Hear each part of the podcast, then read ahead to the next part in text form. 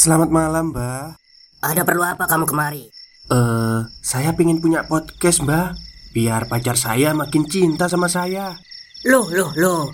Mau bikin podcast kok tanya dukun? Sekarang kamu download aplikasi Anchor.fm. Di situ kamu bisa buat podcast gratis dan podcast kamu bisa didistribusikan ke platform mana pun. Dan di aplikasi atau website Anchor.fm juga terdapat fitur-fitur yang memudahkan kamu untuk membuat podcast. Oh, gitu ya, Mbak. Kalau gitu, saya boleh minta password wifi-nya, Mbak. Buat apa? Buat download Anchor.fm, Mbak.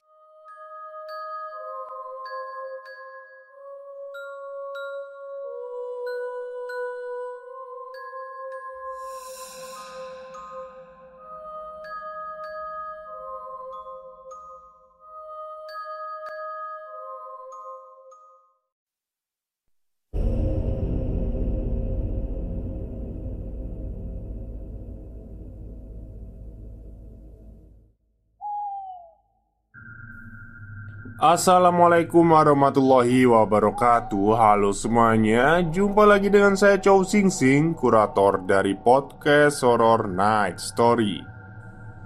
Halo apa kabar semuanya? Semoga kalian semua baik-baik saja ya.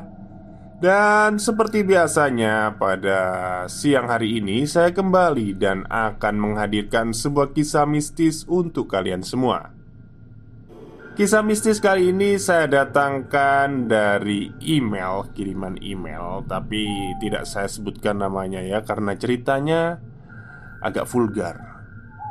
Oke, daripada kita berlama-lama Mari kita simak ceritanya. Assalamualaikum Mr. Chow Sing Sing. Kali ini saya punya cerita dari akun Instagram Loviana Wesham 31 Assalamualaikum warahmatullahi wabarakatuh Mr. Chow Sing Sing Gimana kabarnya?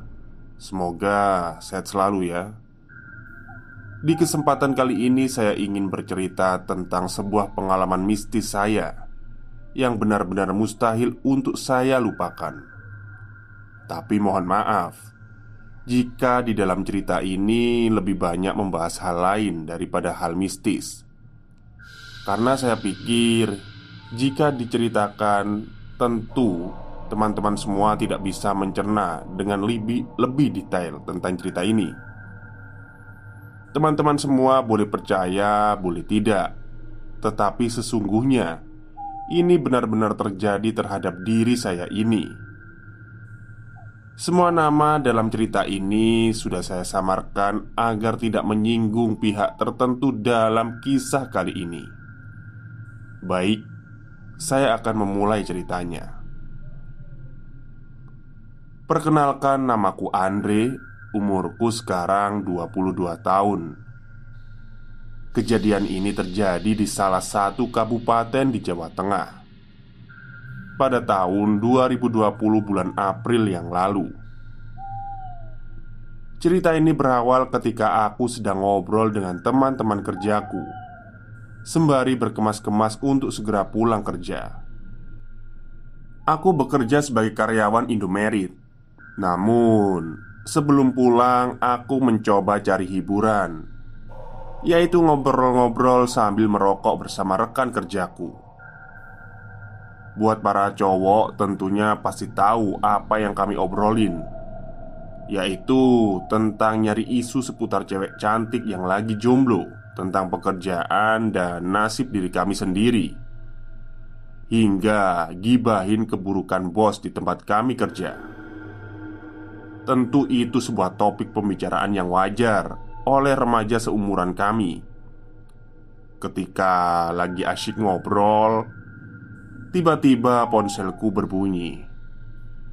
Ternyata itu adalah Tono teman akrabku waktu SMA dulu yang kini dia sudah menikah.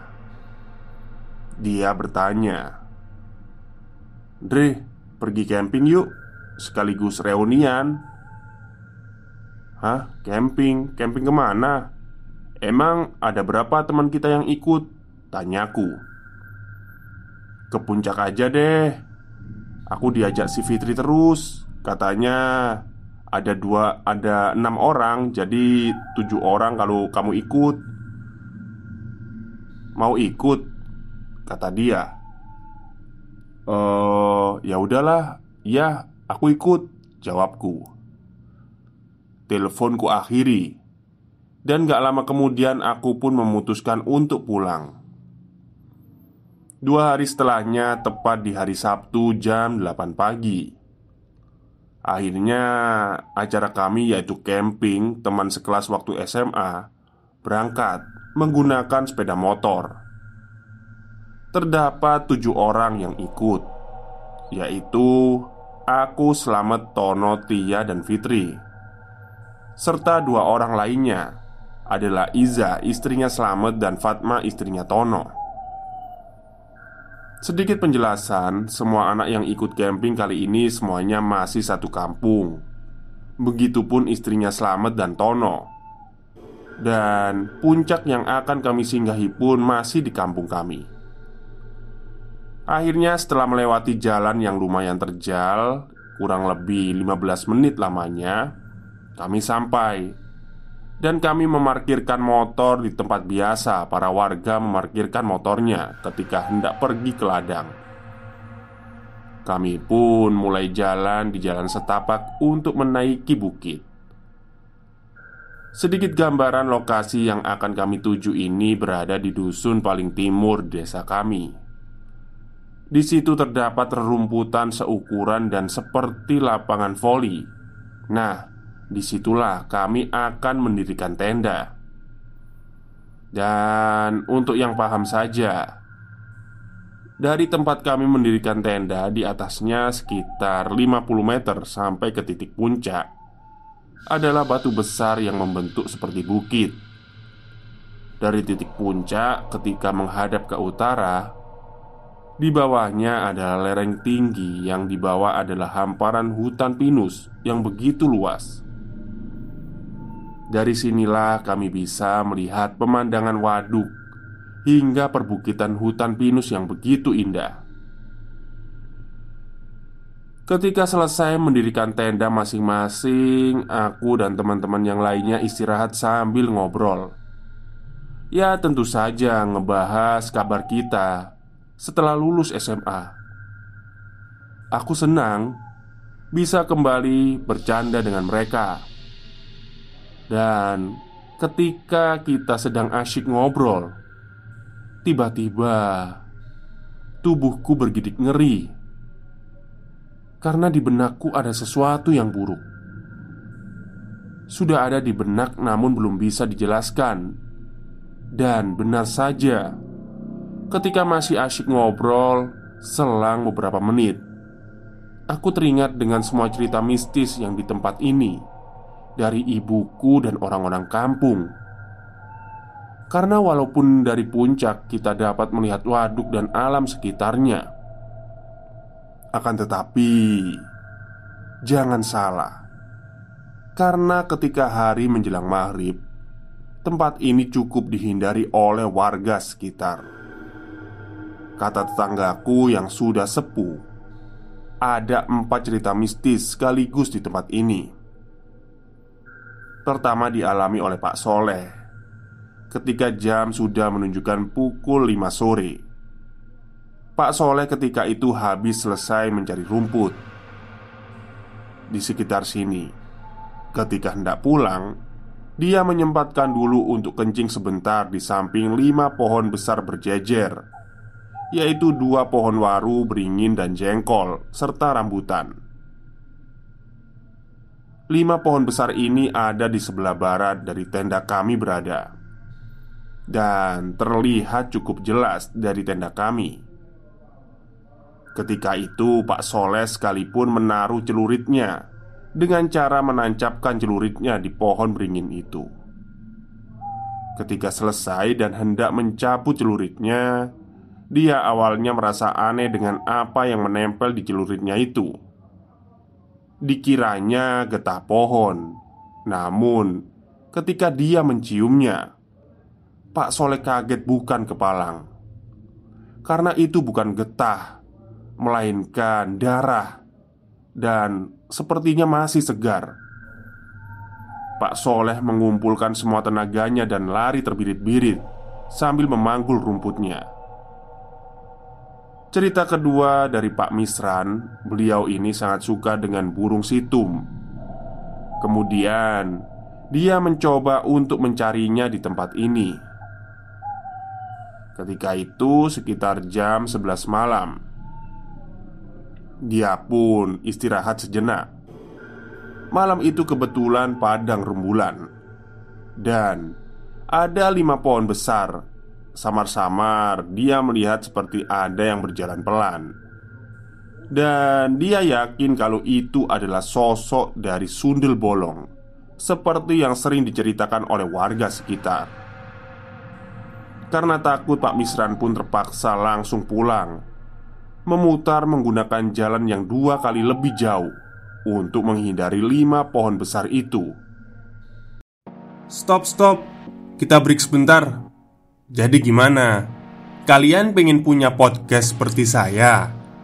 Jangan pakai dukun, pakai Anchor. Download sekarang juga. Gratis. Dan untuk cerita yang ketiga dan keempat ini Kata kakaknya kakek saya Jadi di titik puncak tersebut konon dahulu ada seorang gadis desa sebelah Yang main ke situ Dan naasnya dia jatuh dari lereng hingga meninggal. Lalu ada juga tiga sosok hantu menyerupai rubah berwarna hitam Dengan tinggi sekitar 2 meter lebih. Mungkin siluman rubah itu ya Kayak di Naruto itu. Kata beliau sosok ini biasanya muncul malam-malam tertentu Terutama di malam Selasa Kliwon Atau Rabu Wage. Jadi di sini intinya walaupun tempat ini indah di siang hari Namun ketika malam tiba Suasananya mencekam. Aku yang ingat cerita itu langsung agak berjaga jarak dengan teman-temanku. Dan dari tadi aku yang paling banyak tertawa Sekarang aku banyak diam Jujur aku agak kesal dengan enam temanku ini karena Yang aku lihat mereka sama sekali tidak tahu semua fakta yang ada di tempat ini Sepertinya di tempat ini mereka hanya melihat keindahannya saja dari luar tanpa melihat kalau ada sisi negatif yang ada di dalamnya. Permasalahan tidak cukup sampai di situ. Karena di sini aku punya problem terhadap salah satu temanku yaitu si Tia. Dan bekas-bekas atas problem itu masih membekas hingga sekarang. Karena dulu dialah orang yang pernah membuat tiga laporan palsu tentang diriku ke pihak sekolah. Yang akhirnya membuat beasiswa, piagam, dan penghargaanku semuanya dicabut. Aku pernah membalas kelakuan dia dengan fisik yang membuat aku kembali diskors oleh pihak sekolah, tapi untungnya aku bisa bertahan hingga lulus. Oke, lanjut ke cerita. Malamnya aku menjalani malam itu agak sedikit was-was, namun aku coba menghadapi ketakutan itu dengan profesional. Seperti biasa, yang namanya camping tentu ngobrol bareng sambil ditemani oleh api unggun yang menghangatkan suasana. Waktu itu seperti terbentuk kelompok ngobrol dengan sendiri-sendiri. Aku dengan Slamet dan Tono, sedangkan istri Slamet dan Tono gabung bersama Tia dan Fitri. Malam itu, walaupun hatiku agak was-was, namun dengan adanya mereka sedikit bisa membuatku merasa tenang. Percaya atau tidak, apalagi ketika hari menjelang tengah malam Seasyik apa pun namanya ngobrol dengan teman-teman Biasanya pasti akan terjadi hening semuanya sekitar lima menitan atau lebih. Entah itu kehabisan topik pembicaraan ataupun sibuk dengan ponsel masing-masing. Sama juga dengan kami ketika Slamet dan Tono sedang sibuk dengan ponsel mereka. Karena penasaran Aku coba arahkan pandanganku ke arah lima pohon besar tadi Yang sudah aku ceritakan. Kebetulan tepat terang bulan Jadi aku bisa melihatnya dengan lumayan jelas Ku tatap lima pohon itu dengan teliti Dan tepat di pohon waru, aku melihat seperti ada kepala berambut panjang sedang menghadap ke kami. Aku yang melihat itu sedikit ngeri dan langsung membuang pandanganku. Sambil berharap semua itu hanyalah bekas dahan pohon yang terpotong. Walaupun aku sebenarnya sama sekali tidak percaya dengan harapanku itu. Aku coba kembali memulai obrolan guna mengalihkan pikiranku. Selang beberapa menit, aku coba tatap kembali ke arah lima pohon tadi, dan sosok seperti kepala tadi sudah nggak ada. Aku yakin kalau sosok tadi benar-benar adanya. Namun, untungnya semua teman-temanku mengajak untuk tidur karena kami sudah cukup lelah pada hari itu. Paginya, aku bangun sekitar jam 6.30 6.30 itu setengah tujuh ya. Semua teman-temanku sepertinya masih tertidur. Aku pun langsung pergi mandi ke arah sungai bawah. Setelah selesai mandi dan keramas Aku pun balik ke arah tenda dan membuat kopi. Sekalian sarapan pagi.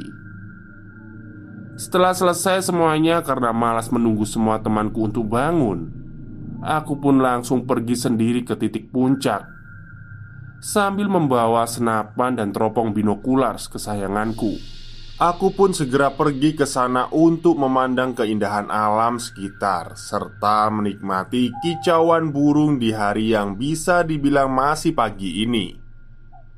Cukup lama aku berada di situ Sampai siang juga Namun aku sempat terheran-heran Bagaimana tidak Kita yang tidur dari jam sekitar jam 10 malam. Sampai sekarang jam 2 siang Mereka belum juga keluar dari tenda masing-masing.